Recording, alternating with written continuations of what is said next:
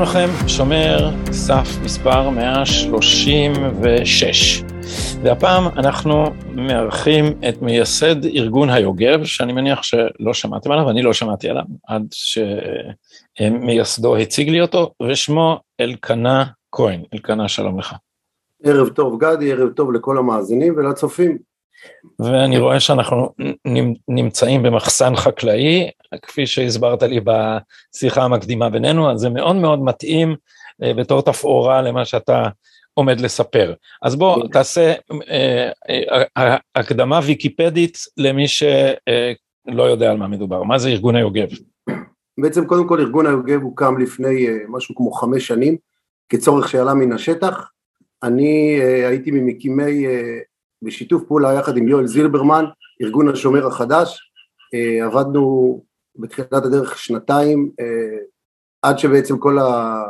מה שאנחנו רואים היום, שלא נראה לי שצריך להסביר מה זה ארגון השומר החדש, ובעצם אחד ה... אחת הבעיות שאנחנו אה, שמנו לב אליהן באמצע הדרך, זה בעיית כוח האדם. בעצם הארגון השומר, המטרה העיקרית שלו הייתה לתת מענה לגבי השמירות, נגד הפשיעה החקלאית שקורית ומשתוללת בעצם ברחבי הארץ, אמ, ותוך כדי הדרך שמנו לב שאחת הבעיות שהחקלאים העיקריות מתמודדות איתם זה הנושא של כוח האדם, בעצם מה שקורה, אני לא יודע כמה מהמאזינים שלנו אה, מכירים את ענף החקלאות, אבל במהלך השנה אני לא מדבר על אה, בעלי חיים, כן, לרבות אה, לולים, רפת, בקר ודברים כאלה, בענף החקלאות במהלך השנה אה, לא צריך הרבה ידיים עובדות. אה, חקלאי מסתדר פחות או יותר עם פועל שניים, הכל תלוי בהיקפים כמובן, כאשר מגיעה העונה הבוערת, מה שקוראים בעונה,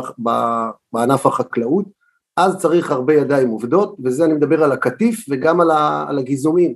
בעצם עד לפני עשרים שנה כל מי שבטווח הגילאים שלי, אה, עד תחילת שנות התשעים, אנחנו היינו חלק מהמערך, ממערך העבודה במשק. אנחנו לצד ערביי ישראל. לפני עשרים שנה כשהאגודות השיתופיות התחילו להתפרק ובכלל אנשים פחות אה, רצו לעבוד קשה, בוא נגיד את זה ככה, והלכו לעבר ההייטק והטכנולוגיה, בעצם נוצרה בועה שאותם, גם חקלאים עצמם בתוך המשק עזבו את החקלאות בגלל המשבר הגדול של סוף שנות ה-80 ובעצם נוצר חלל למשהו כמו, זה התחיל להידרדר, היום מדברים על בין 20 ל-30 אחוז חקלאים בכל מושב וקיבוץ שמחזיקים את כל הקרקעות סביב המשק אה, והם נותרו ללא ידיים עובדות. אה, בעצם לתוך הבועה הזאת, אה, שבשנים, בתחילת הדרך באמת הייתה מצוקה נוראית ולאט לאט התחילו קבלנים, קבלני כוח אדם מערביי ישראל הם התחילו להביא באזור שלנו, זה מאזור ג'נין וכפר ימון ליד ג'נין, הם מכניסים אותם לארץ בחתימה שלנו, של החקלאים, אה, ומכניסים אותם לתקופות ארוכות. השוק הערבי המקורי הוא לא עובד כמו שאנחנו קמים בבוקר, הולכים לעבודה אה, כל השנה, אלא הם עובדים לפי תקופות, אה, זה יכול להיות חודשיים, שלוש, זה יכול להיות גם עד שמונה חודשים, בהתאם לקטיפים, ואחר כך הם הולכים לחודשיים חופש, הם משתדלים לסנכרן את זה עם החגים, אה, בעצם נוצר שוק, שוק עבודה חדש לגמרי, שמי ששולט בו זה הקבלני כוח אדם מערביי ישראל. לא- מה אתה, סליחה, אני לא חיכיתי את המיוט, מה אתה עצמך אה, מגדל? אני מגדל זיתים למאכל, שעשיתי להם הסבה לש, לשמן בגלל הדבר הזה בעצם, ש... בגלל המצוקה הזאת שנוצרה, כי אין, אה, אין מי שיבוא ויקטוף, זה האמת. תגיד, אבל אה, אתה מדבר על מהפכה שקרתה מתי? מתי התחילה תופעת קבלני הפועלים? קבלני כוח אדם. זה בעצם התחיל משהו כמו בשנת 2000, זה התחיל להידרדר כבר לפני כן, אבל לקראת שנת 2000, אז אתה, פחות... אתה רוצה להגיד לי שעד שנת 2000 יהודים עבדו בקטיף בחקלאות? אה, לא, כן? בוודאי, כן. גם לא כל כך שאלו אותנו, אני אגיד לך את האמת, כן, אנחנו היינו ממש חלק מה, מהמערך עבודה, לצד ערביי ישראל, אני חייב לומר. כן. אה, וכן, עד שנת 2000, פלוס מינוס, זה משהו שקורה בהדרגתיות, זה לא קורה ביום אחד, אה, התחילו קבלני כוח אדם להעביר אותם לארץ אה, ולתת פתרון לזה. אז אנחנו מדברים דווקא, כי, כי אנחנו מדברים על 2000 זה האינתיפאדה השנייה, אנחנו לפחות התודעה ציבורית של קוראי העיתונים, זה דווקא התקופה שבה הורידו את יבוא פועלי השטחים והביאו במקומם תאילנדים, סינים, רומנים, ניגרים, אחרים, ניגרים כן. לא פחות. כן, בואו בוא, בוא נפוצץ קצת את הבועה, הניגרים, תאילנד, הרומנים, זה לא כל כך בענף החקלאות, זה לא משהו שהוא נפוץ. ענף הבנייה. ענף הבנייה יותר, מה שנפוץ יותר בענף החקלאות זה התאילנדים, המפורסם, אבל נפוצץ איזושהי בועה קטנה לכל מי שלא מכיר את זה, בעצם קודם כל זה עובד לפי מכסות, זאת אומרת אה, חקלאי זה, זה תלוי בהיקפים שלו, ולפי ההיקפים שלו אם הוא עומד בסף מסוים מגיע לו אה, קבוצה של תאילנדים בהתאם ליכולות שלו, בהתאם לצרכים שלו, סליחה, אה, אבל זה לא ממש עוזר, צריך לומר, כי אם אני חקלאי נחשב קטן שמגדל 100 דונם זיתים, לא ממש יעזור לי שלושה תאילנדים, כי בשביל לקטוף 100 דונם זיתים בזמן מסוים, אתה צריך 150 אנשים שיעבדו בשדה. אז, אז זאת אומרת שהתאילנדים לא הספיקו והיה צריך להביא, ואז היה צריך להשתמש בקבלני אה, פועלים, קבלני כוח אדם. בוודאי, כן. אוקיי, אז גם לך זה קרה בסביבות אה, שנת 2000? לא, אני בשנת 2000 זה היה, לא, אז עד הייתי בצבא. אתה צעיר מדי, כן. הייתי צעיר מדי, כן, אה, זה קרה לי בסביבות שנת 2009, אני נכנסתי, ל... התחלתי ללמוד את השוק הזה, כמו שאמרתי הייתי ב... בהקמתו של ארגון השומר החדש ושם בעצם אה, נחשפתי לתופעה הזאתי, בעצם הסיפור שלי, שאני הקמתי ועשיתי את אותו מעשה להקים את הארגון היוגב, זה משהו שקורה לכל החקלאים, אה, זה שהם מכניסים אותם לארץ, קודם כל אני אעשה, למי שלא מכיר, מכניסים אותם לארץ, אני לא רוצה להגיד נתונים מדויקים, וחשוב לי באופן כללי לקראת המשך הרעיון, הפודקאסט, שאני לא מתעסק בנתונים מכיוון שאני מגיע מהשטח. אה, אני חושב שזה דבר שהוא נורא נורא חשוב, אני לא הולך להחליף, להחליף לא את משטרת ישראל, לא את משטרת ההגירה ולא את הלמ"ס, אלא אני זועק את זעקתם של, של כל החקלאים בעצם שסובלים כמוני, לא יודע אם כל, אבל רוב החקלאים, ובעצם אה, הם אלה ששולטים בכל כוחות השוק, צריך לומר את זה בכנות, זאת אומרת זה לא רק בחקלאים, הם אלה שקובעים את המחירים. אז, אז, אז מי ששומע אותנו עד עכשיו אומר לעצמו, אוקיי, פעם היה עבודה עברית ונאבקנו על עבודה עברית כי אה, פחדנו שכשנקים אה, מדינה אז אנחנו נאבד את כל כוח האדם, גם היו לנו אידיאלים אחרים ורצינו להחזיר את היהודי, להפוך להיות אה, לוחם, חקלאי, עומד ברשות עצמו, ו, ואז התבססנו, התפתחנו, ועכשיו אנחנו משתמשים בכוחות עבודה של מי שמוכן לעבוד, זה שואל את עצמו אולי השומע, אז מה כל כך רע בזה? אז, אז בסדר, אז יש קבלני כוח אדם, מספקים עבודה לפועלים אה, מיהודה ושומרון. אה, מערכת הביטחון שלנו חושבת שזה רעיון טוב, גם לספק להם פרנסה, השמאל חושב שזה מרגיע את השטח. זה לא בטוח שהנתונים האלה נכונים, אבל בואו אנחנו מתרכזים בלמה זה רע לחקלאים. זה, כמו שאתה מתאר את זה, בהחלט זה לא רע לחקלאים, אבל זה לא באמת עובד ככה. כי לפי הנתונים שאני, ואין לי שוב את כל הגישה המדויקת להביא את המספרים הנכונים, אבל מדובר קודם כל בראש ובראשונה על 50 אחוז פועלים שנכנסים עם היתר ו-50 אחוז שנכנסים ללא היתר, אוקיי? זאת אומרת אני פגשתי אנשים בשטח שהם שב"חים לכל דבר ועניין ומשטרת ישראל יודעת מהדבר הזה, אני ברמה האישית דיווחתי כמה פעמים ואין להם היתרים על רקע לאומני, לאומי, לאומני, איך שלא תגדיר את זה, זה לא שהם לא, זה לא על רקע אה, פלילי אלא על רקע לאומני, זה בראש ובראשונה, בסדר? זאת אומרת 50% נפתרה בעיה, 50% לא נפתרה בעיה אלא נתווספה בעיה. זה, זה, ואיך אתה יודע שהם אה, אין להם היתרים על רקע לאומני? זה אנשים שהשב"כ פסל אותם, שמשטרת ישראל פסלה אותם, ש, שתפסו אותם על אה, אלימות לאומנית, איזה אנשים הם? שהם נכנסים פשוט ללא היתר, וכשאני מגיע לקטוף בבוקר את הפרי ומחכה לקבלן שיגיע עם הפועלים, ואני שואל אותו למה הגיעו רק 30, אז הוא מספר לי שבמהלך הלילה משטרת ההגירה פשוט לקחו לו 50% אה, מהפועלים או שלא לקחו לו. מה שקורה. כן, אז עכשיו בוא נגיע לליבת העניין. מה, מה, מה, אתה קראת לזה טרור חקלאי. טרור הידיים העובדות אנחנו. טרור הידיים העובדות, אוקיי, פשוט אני, בחלופת האס.אם.אסים בינינו, כן. עכשיו טרור הידיים עובדות הוא בעצם המכניזם הזה עובד בצורה אה, די פשוטה מכיוון שאנחנו מתאימים את הטרור לשנת 2020 אנחנו כבר לא צריכים אה, לשרוף, לגנוב, לחתוך גדרות לא שזה לא קורה, כן?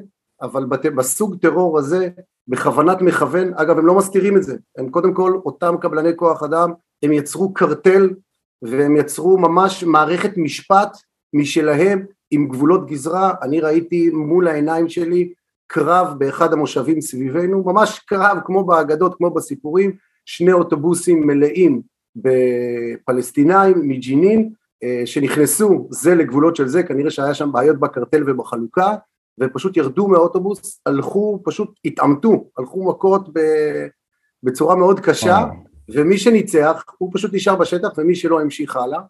אה, ובעצם כל הדבר הזה מה שנותן להם לאותם קבלני כוח אדם הוא נותן להם מנוף וכוח לשלוט בנו החקלאים בצורה נורא פשוטה כי אנחנו מחכים להם שנה שלמה. צריך להבין שחקלאי עובד במשך שנה שלמה כדי לקטוף את הפירות שלו כי שם פרנסה שלו עכשיו כשאותו. קבלן שחתמת איתו חוזה ובתוך החוזה גם אתה אה, חתמת על זה שאתה יכול להכניס פועלים לארץ והוא לך לתאריך מסוים אני אפתח סוגריים אין דבר כזה לא לקטוף את הפרי בזמן זה חלק מהסיפור פה כלומר אם אתה הזמנת אותו ל-15 באוגוסט לקטוף לך את המנגו והוא הגיע אליך בחודש איחור ב-15 בספטמבר, אז 20% מהפרי השחיר, 20% מהפרי נפל, בינתיים אותו חקלאי גם פתח הרבה מים כדי, להש... כדי להמשיך ולתחזק את הפרי הקיים, בעצם הוא כבר נמצא בהפסד כלכלי מאוד מאוד מאוד גדול, הוא לא, הוא לא, אי אפשר להחזיר את הגלגל אחורה, וכאשר אותו קבלן איחר בחודש והגיע אחרי חודש, אז קודם כל הוא לא הגיע עם אותם 100 פועלים שהוא התחייב להם, הוא הגיע רק עם 30 או 40 או 50 במקרה הטוב, אין לנו, אין לאותו חקלאי כל כך מה לעשות איתו, כי כבר הנזק נעשה, ובעצם הוא, הוא מייצר בו תלות, וכמו שאמרתי, מכיוון שזה קרטל ששולט בכל כוחות השוק, אז החובות שהוא חייב, הוא חייב לאותו קבלן, הוא לא חייב, למרות שהוא זה שיצר את זה. אבל אלקנה, למה אתה חייב לקבלן שלא סיפק לך את הסחורה? הוא בא רק עם 30 פועלים, אתה אומר לו, אחרי שהוא כותב, אתה אומר לו, הבאת לי חצי מהפועלים, תקבל רבע מהכסף. קודם כל זה לא יעזור כי הנזק הכלכלי כבר נעשה. זאת אומרת זה לא משנה, גם אם אף אחד לא יקטוף את הפרי. אבל אתה לא תיקח אותו עוד פעם, כל, שוק. אתה, אין לך את מי לקחת, זה בדיוק כמו שאמרתי, הם יצרו קרטל, אתה חייב לעבוד עם X ולא עם Y, הם לא שואלים אותך.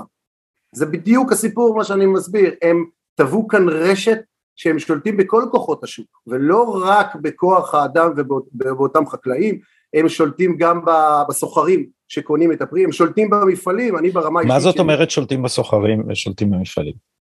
אז אני אסביר, אני, היה, הייתה איזושהי חלקה, אני בעצמי הייתי קבלן מאוד גדול, אחרי שעזבתי את השומר החדש, אני בעצם החזקתי הרבה שטחים עבור החקלאים, מתוך המקום הזה, אני אמרתי להם, חבר'ה, אני אחזיק לכם את השטח, אותו קבלן ימשיך לקטוף לכם את הפרי, העיקר שזה יישאר בבעלותכם ולא תעבירו את, ה, את השטח לאותו קבלן, והגעתי לשטח של עשרה דונם זיתים ובאתי, התחלתי לקטוף את הפירות עם אותם אה, קומונות שאני מחזיק בארגון שבהמשך אנחנו נסביר עליהם ואני מקבל טלפון ממנכ"ל מפעל שאני כמובן לא אגיד את שמו אה, ישראלי בארץ יהודי ואומר לי תשמע אלקנה האידיאולוגיה שלך היא מאוד מאוד יפה וטובה אני מאוד מעריך את העבודה שלך אבל מה לעשות שאני צריך את הקבלן הזה כי הוא זה שמספק לי את הסחורה ולא אתה ואני מבקש שתצא מהשטח שנמצא אצלי במושב ותיתן אותו לאותו קבלן.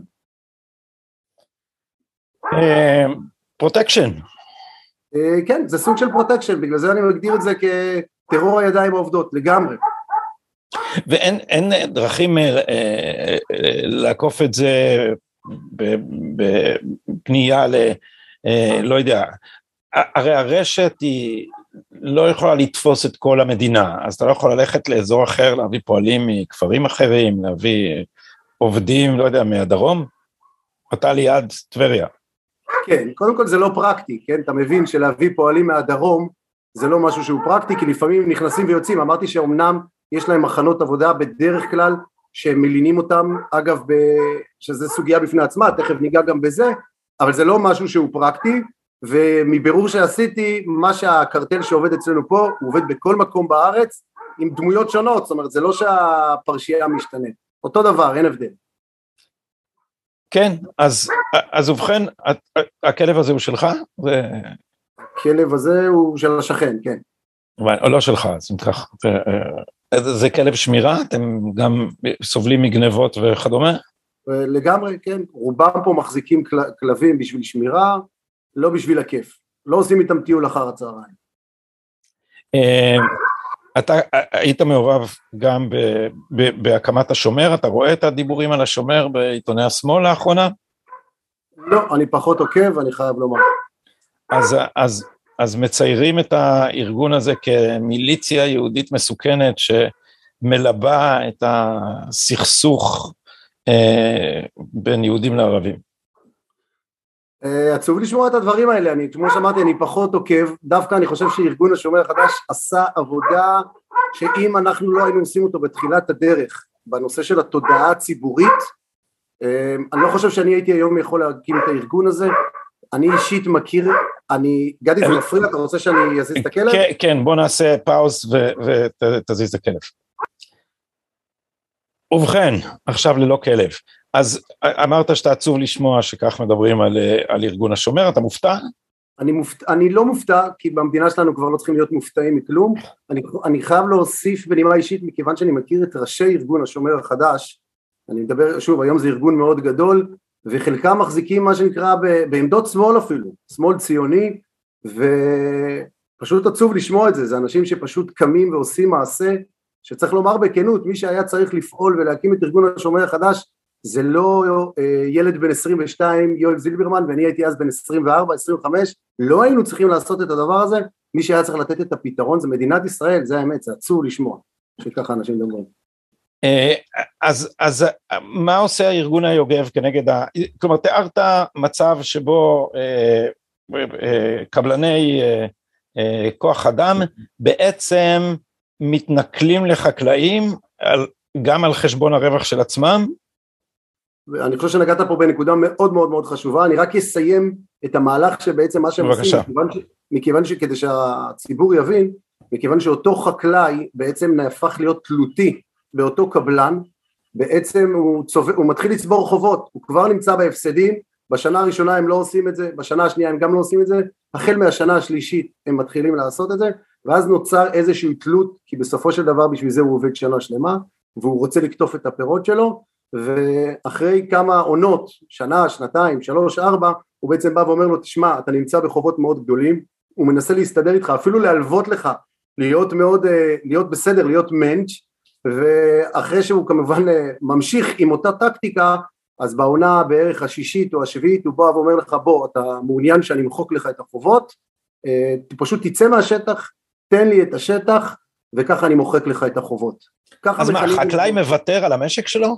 לגמרי, הוא לא מוותר על המשק, אה, רק כדי שהציבור יבין, כשאומרים משק מתכוונים ליחידת בית פלוס השטחים, שטחי א' קוראים לזה, הוא מוותר על השטחים בחוץ לגמרי, כן. על בוודא. כולם, על חלקם, על... זה משתנה בין חקלאי לחקלאי, אבל כן, אני מכיר... אז, אז מישהו בעצם בטקטיקות עברייניות אה, משתלט על השטח ואין מה לעשות? אי אפשר לפנות למשטרה? אפשר לפנות למשטרה, אבל אה, מכיוון שהסיפור הזה הוא נורא מסובך, אה, בגלל שיש את חוק ההתיישבות, אחד מהסעיפים בעצם פוסל או אוסר אה, לייצר איזושהי שותפות עם מישהו שהוא מכל, לא חבר אגודה באותו מושב או באותו קיבוץ, אתה כן יכול לעשות שותפות, זה נורא מורכב, זה מצריך חתימה של אה, שר החקלאות, 26.5 אחוז שותפות בתוך העסקה הזאתי, אבל מכיוון שהרבה חקלאים בשלב כלשהו, לפני שהם כבר מוסרים את השטח לאותו קבלן, הם כבר נהפכים להיות שותפים שלו, ובעצם הם בעצמם כבר עבריינים ועוברים על החוק. בלית ברירה אמנם, זה עצוב נורא, אבל בעצם הם לא, מוכ... הם לא רוצים לפנות אה, למשטרת ישראל כדי לא, לא ליצור לעצמם נזק. אז האם המטרה של הקבלנים האלה היא עבריינית וכלכלית, כלומר להשתלט על שטחים, או האם היא אה, לאומנית כפי שמשתמע מהמונח שנקטת בו טרור? כן, אני חושב שכמו בכל דבר, אה, אפשר, אפשר להסתכל, אני בטוח שיש גם קבלנים שעושים את זה בהיבט העברייני נטו. אני ברמה האישית נתקלתי בקבלנים שלא מסתירים את דעותיהם ואומרים הסבא והסבתא שלי היו פה ואתה תחזיר לנו את זה, את השטח הזה במוקדם ובמאוחר מכיוון שאנחנו נרושש אותך אז uh, תחליט אתה אם זה לאומי או לא או שזה פלילי. ואי אפשר להקליט אנשים כאלה, אין, כלומר, דרכים, תראה, המשטרה עכשיו, לאחרונה לא בהצלחה, כי אנחנו רואים ש, שהפרוטקשן נעשה בחלק אה, מ, מישראל, בעיקר לאחרונה שוחחתי כאן עם מאיר דויטש על מה קורה בנגב עם הבדואים, אז שם פרוטקשן ממש משתולל, אבל באופן כללי המשטרה נוטה להיות רגישה לפרוטקשן, כיוון שזה השתלטות על שטח, שזה בעצם כרסום בריבונות, זה לא בחור או ברשת, אלא זה, זה, זה נוטל נתח מהמדינה. אז אי אפשר להביא את המשטרה לעשות מבצעים מאורגנים במקומות שבו החקלאים סובלים מהתופעות האלה? אפשר לעשות את זה, ויש אנשים שמזמינים את משטרת ההגירה ואת הסיור הכפרי במקרה שלנו, אבל שוב, כמו שאמרתי, אתה צריך לתת לזה מענה. זאת אומרת, נגיד שאתה, אותם, אותם חקלאים בעצם הם אלה שלא רוצים לפנות לסיור הכפרי ולמשטרת ישראל שתעשה את העבודה, מכיוון שבסוף הם פוגעים בעצמם. זה בעצם מין מעגל כזה שאם לא יפתרו אותו, אז מה יהיה הפתרון? מה, אני אזמין משטרה, ייקחו לי את הפועלים, מי יקטוף לי את הפרי, אז אני מראש כבר מפסיד את הכסף, אז למה, למה שחקלאי ירצה לעשות דבר כזה? אז מה עושה ארגון היוגב כנגד התופעות האלה? ארגון היוגב קודם כל הוא פועל בכמה מישורים, אה, בתחילת הדרך עבדנו עם אה, לב בגליל, זאת עמותה שמטרתה היא לייצר אנזים שמקשר בין השטח לבין... לייצר מה? לייצר אנזים אנזים. שמקשר, אנזים, כן, שמקשר בין השטח לבין מעצבי דעת הקהל אה, ולייצר חקיקה בנושא, אה, קידום מדיניות בנושא, כיום אנחנו כבר פחות עובדים בשיתוף פעולה, עיקר העשייה שלנו היא לייצר כוח אדם חלופי, מקצועי ורציני, שייתן מענה לפתרון טרור הידיים העובדות. מאיפה מביאים את הכוח הזה? אנחנו מביאים אותם מכל הארץ, אה, זה נע מגילאי 15 עד גיל 22 בכמה תוכניות אה, ומגיעים לשנה שלמה, עוברים הכשרה בתחילת הדרך ואנחנו פשוט אה, מהווים תחליף. אני חייב לומר שזה בהתחלה זה היה מאוד מאוד ציני, זאת אומרת חקלאים הסתכלו עליי, פתחו על העיניים זה לא ילך, היום הרכז שטח של הארגון שלנו הוא עובד בלהגיד לא לחקלאים כי אנחנו לא מצליחים לספק את הסחורה. מאיפה אתם מביאים את הנוער הזה? מי, מי הם? מכל רחבי הארץ, זה לא... פתוח לציבור, מי שרוצה להגיע מוזמן.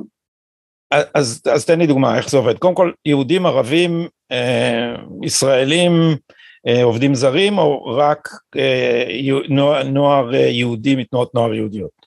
רק יהודים מתנועות נוער יהודיות, לגמרי, כן. יגידו גזענים, אתם תגידו עבודה עברית. בדיוק, כן. בסדר גמור.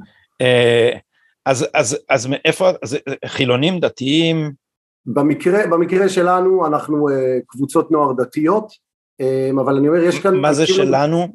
במקרה של ארגון היוגב כרגע, uh. um, אנחנו עובדים עם בני נוער שהם דתיים, כמובן uh, בשלל, בשלל הגוונים של, ה, של הדת, אבל בהחלט יש כאן עוד המון המון עמותות. כמה שלל? גם, גם חרדים? חרדים, אה, לא, לא, לא מגיעים לזה כמעט חרדים, לא. בעיקר בציונות הדתית. הבנתי, ועל איזה מספרים מדובר? אה, זה נע, תופס אותי עכשיו בסוף שנה ואחרי שנה עם המון אה, מורכבויות אה, בירוקרטיות, אבל בזמן הזה, בשנה שעברה, היינו כ-70 חבר'ה רק בארגון, 70 עובדים, 70 חניכים אני מתכוון. ואתם, ומספקים עבודה לכמה חקלאים וכמה משקים? כרגע... הרי, תגיד...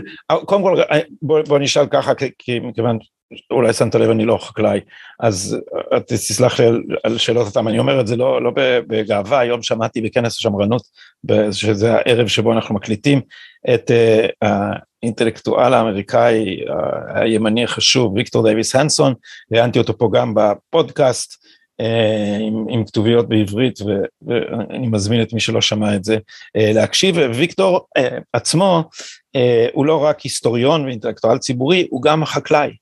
והיום הוא אמר דברים שכבר שמעתי אותו אומר אותם במקומות אחרים, שחברה שמאבדת את הכבוד לעובדי ידיים ושמייבאת את העבודה שלה רק מבחוץ, בעצם מאבדת את התשתית אה, שמקיימת אותה. וזה ממש, אתה יודע, להקשיב לאינטלקטואל אמריקאי שאומר אה, אה, דברים שהיו יוצאים מפיה של תנועת העבודה הציונית בשנות ה-20. מדבר ציונות. מדבר ציונות אמריקאית, אתה יודע, הוא, כן. הוא, הוא אמריקאי, הוא גר בקליפורניה, יש לו הוא גר בפרזנו קאונטי, באזורים האלה יש בעיקר פועלים מקסיקאים, חלקם מהגרים לא חוקיים, זה מעניין איך הרבה מהבעיות דומות, אבל ככל שאני יודע, הבעיה עם פועלים לא חוקיים בארה"ב היא לא פשעים לאומניים ולא שמעתי על, על מקרים כאלה של פרוטקשן אז, אז קודם כל אני חוזר לבורותי בענייני חקלאות. ב, ב, בענפים שונים יש עונות שונות נכון? זה לא כל העונות נופלות על אותו על אותה משבצת. נכון. אנחנו בעצם עובדים משהו בין 30 ל-40 חקלאים נמצאים איתנו ב pool שאנחנו נותנים להם מענה. מהחקלאי הכי קטן שמחזיק 500 ו-600 דונם עד אה, משקים שמחזיקים גם 3,000 דונם ואנחנו עובדים כמו שאמרת אה, לפי עונות השנה עכשיו אנחנו מתחילים את קטיף הדובדבנים אחר כך הליצ'י והמנגו ולפני ארבעה חודשים כתבנו קלמנטינות, פומלות, זה ממש לפי עונות השנה זה עובד. כן, ואצלך אצלך מוסקים זיתים. כן, ואצלי מוסקים זיתים. מתי זה, מתי המסיק, באיזה עונה?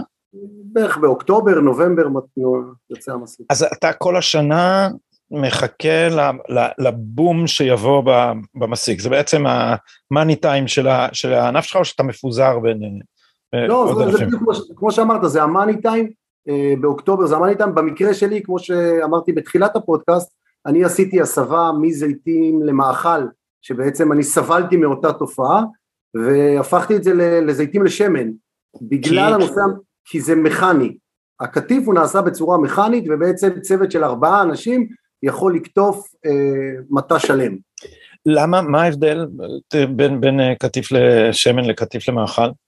אה, זיתי מאכל, אם בעצם הם נופלים מה, מה, מהידיים של הפועל או מהפרי, אה, קוראים לזה פגיעות קטיף, הם אפילו בנגיעה הכי קלה, אז עד שהם מגיעים למפעל והופכים להחמצה, הם כבר כולם נהיים שחורים והם פסולים.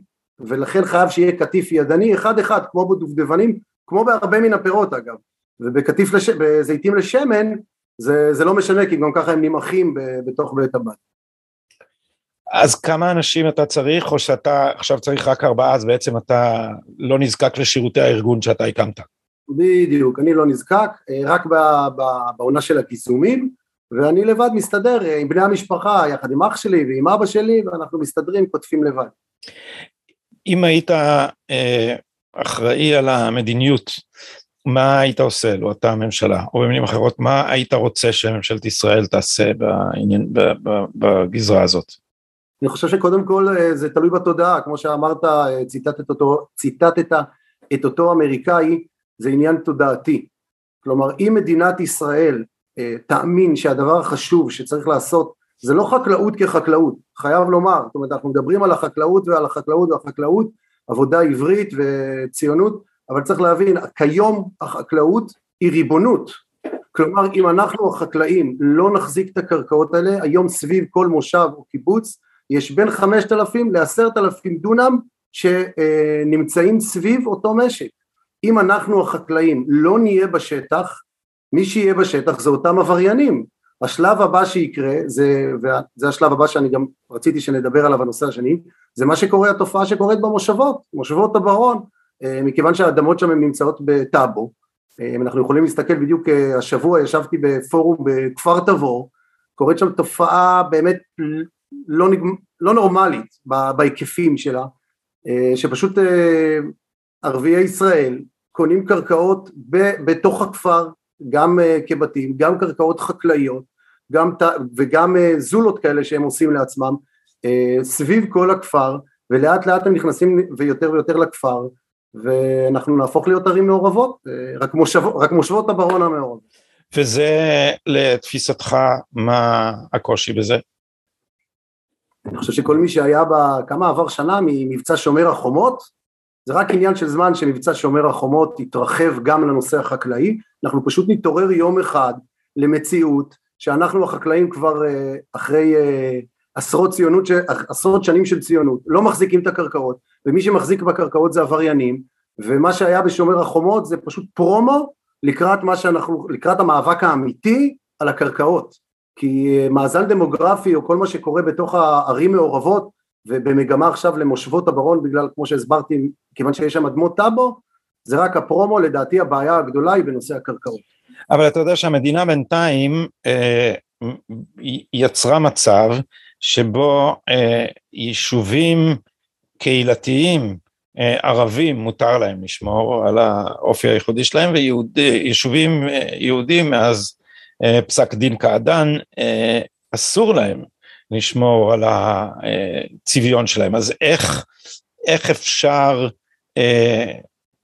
להילחם בתופעות האלה מתוך הנחה ש, שאיתה אני מסכים שאנחנו תמימים לדבר פה רק על זכויות אדם בשעה שבמקרים רבים מדובר על כוונות עוינות במפורש ואנחנו פשוט נותנים את צווארנו למשיסה אז מה, מה, אתה, מה היית מציע לעשות? אני חושב שאותו בג"ץ שבעצם מאפשר לכל דכפין יתה ויאכל וייכנס לתוך היישובים אה, קודם כל אני רק אסייג אה, אותך אה, ביישובים דתיים זה לא תקף אוקיי זה משהו שצריך לדעת אותו מכיוון שזה צביון וגם באגודות השיתופיות אבל אני אומר בוא נלך צעד אחד אחורה אם בעצם הם נכנסים, אותם ערביי ישראל נכנסים ליישובים, מכיוון שאנחנו נותנים להם להיכנס גם לקרקעות שלנו, כי הרי לפני 30 ו-40 שנה הם לא נכנסו ליישובים, הם לא נכנסו למושבות הברון. למה זה קרה? כי אנחנו החזקנו בקרקעות, ולכן הספירה צריכה להתחיל מהצד הזה, ומדינת ישראל היא פשוט, זה עניין תודעתי, אם היא תשים את זה בראש סדרי העדיפויות שלה, ותיתן הטבות לחיילים משוחררים, לבני תיכון, גם לחבר'ה מבוגרים, שמין ויטמין P שיעבדו בחקלאות, אני חושב שאנחנו לא, לא נצטרך להגיע למצב של אה, מבצע שומר החומות בתוך היישובים שלנו, אבל בהחלט הכיוון הוא לשם. המצב אה, כרגע בישראל הוא שתוכניות מתאר, אה, תיאר את זה פה אה, בערוץ שלי, גר, אה, האלוף במילואים גרשון הכהן, תוכניות המתאר מגבילות את ההתפתחות של יישובים יהודים ובעצם מעודדות את ההתפשטות של יישובים ערבים, זה ממש כאילו המדינה לוקה בהתקף קולקטיבי של אה, רגשות אשמה ומנסה לנקות את עצמה על ידי זה שהיא תפלה יהודים אה, לרעה. אתה מרגיש דברים כאלה ב, מנקודת המבט שלך כחקלאי? אני לא ממש, שוב, אני לא ממש רואה את זה כחקלאי, בתוך, בתוך התחום החקלאי אנחנו לא רואים את זה, אבל אני אומר שוב, מה אני חושב שכן צריך לעשות, זה, זה רק עניין תודעתי, אה, כמו ש... בקיצור, אתה תיארת סיטואציה שהיא קורית רק בערים, היא לא קורית עדיין בקרקעות, אה, ולא, כחקלאי אני לא, לא מרגיש את זה. אה, מי שרוצה להצטרף, מי שרוצה לתרום, מי שרוצה לעזור, למי פונים, לאן הולכים?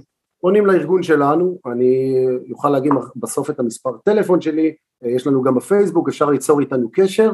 אז בפייסבוק מחפשים היוגב? היוגב, היוגב חקלאות. ארגון היוגב, מה, איך נקרא הדף? ארגון היוגב, חקלאות בגליל, מוזמנים להיכנס. ונוער מכל הגוונים והסוגים שרוצה לקחת חלק בזה, אגב, הנוער הזה מתפרנס? משלמים לעובדים או שזה התנדבות? חלק מהם זה בהתנדבות, חלק מזה במשכורת, וכמו שאמרת אמרת מכל הגוונים, אז יש היום רק בצפון הארץ 51 עמותות שהן לא, לא מוכרות, ואין להם את היכולת והכוח להגיע לגדי טאוב ושייתן להם במה, אה, וזה לגמרי לכל אה, גווני הישראליות. אבל מה זאת אומרת חלק במשכורת וחלק לא? מגיע לך נער בן 17 אה, מ... לא יודע, הרצליה, והוא רוצה והוא רוצה להתגייס למאמץ הזה, איך, באיזה צד הוא נופל? אז אם הוא בן 17, אז הוא נכנס לתוך, לתוכנית שנת שירות בעצם, וזה חלק מהעשייה שלו, ולכן הוא מתנדב. זה שנת שירות שהמדינה מכירה בה? זה שנת שירות אצלכם ביוגב? אה, נהדר, כן. כן. אה, אבל אם הוא בן 16, אז הוא מקבל כסף. לא, אם הוא בן 16 יש לנו גם תוכניות, אה, זה בעצם לנערות נושרות, ושוב הן נמצאות, אה, הן נושרות מבתי הספר שלהם בארץ ומגיעות אלינו ליטול חלק מה, מהמהפכה הזאת. ואם... אם, גם אם בהתנדבות? בהתנדבות לגמרי, כן. אבל הן עובדות אצל חקלאים, למה לא לשלם להם? כי גם החקלאי, המטרה שלנו היא לעזור לחקלאי ואנחנו ממש לא לוקחים מחיר מלא מהחקלאי, זה רק כדי לממן את ההוצאות של הארגון. אין לנו עניין, יש לנו הפוך, עניין לעזור. אה, אה, נכון, אבל אף על פי כן החקלאי אה, מקבל עבודה שהוא היה אמור לקבל אותה מפועלים, אני שואל זה יפה כל ההתנדבות הזאת, אבל למה אנשים לא יקבלו שכר אם הם, הם, הם, הם עושים עבודה מקצועית במשרה? אז קודם כל יש לנו גם תוכניות של, כרגע שוב אמרתי אנחנו בתחיל, בסוף שנה, אבל יש לנו גם תוכניות של אחרי שירות, עבודה מועדפת, שלגמרי הם מקבלים שכר, לגמרי, אבל כמו שאמרתי ההתנדבות, אני חושב שזה, אין לי איך, איך, איך להסביר את זה, אבל אנחנו נמצאים בתוך מאבק, אותו חקלאי הוא רוצה לנטוש את השטח, צריך להבין, מגיעים אלינו חקלאים בדמעות ואומרים לנו אנחנו מרוששים כלכלית, אם אתם לא תגיעו לעזור לנו, אנחנו פשוט ניתן את הקרקעות האלה, ולכן אני אומר לו אוקיי, בוא לפחות תממן לנו את ההוצאות, אנחנו עמותה, בעמותה אין רווחים, אותם חבר'ה שבעיניי הם קדושים, לא פחות מזה, ורוצים ליטול חלק במאבק הזה, נותנים מזמניו, וזה בעיניי הדבר הכי קסום שיכול להיות. אלקנה כהן, תודה רבה לך על השיחה הזאת. לפני שפגשתי אותך לא ידעתי שיש בעיה כזאת, היא לא מדווחת בעיתונות, וודאי שלא ידעתי שיש אה, פתרון כזה. לסיום, אנא מספר הטלפון של מי שרוצה ליצור איתך קשר ישיר, ואז ניפרד כידידים. מצוין, המספר שלי זה 052-2300-113. אני מודה לך, ובהצלחה לארגון היוגב. לילה טוב. תודה רבה, שלום לכולם.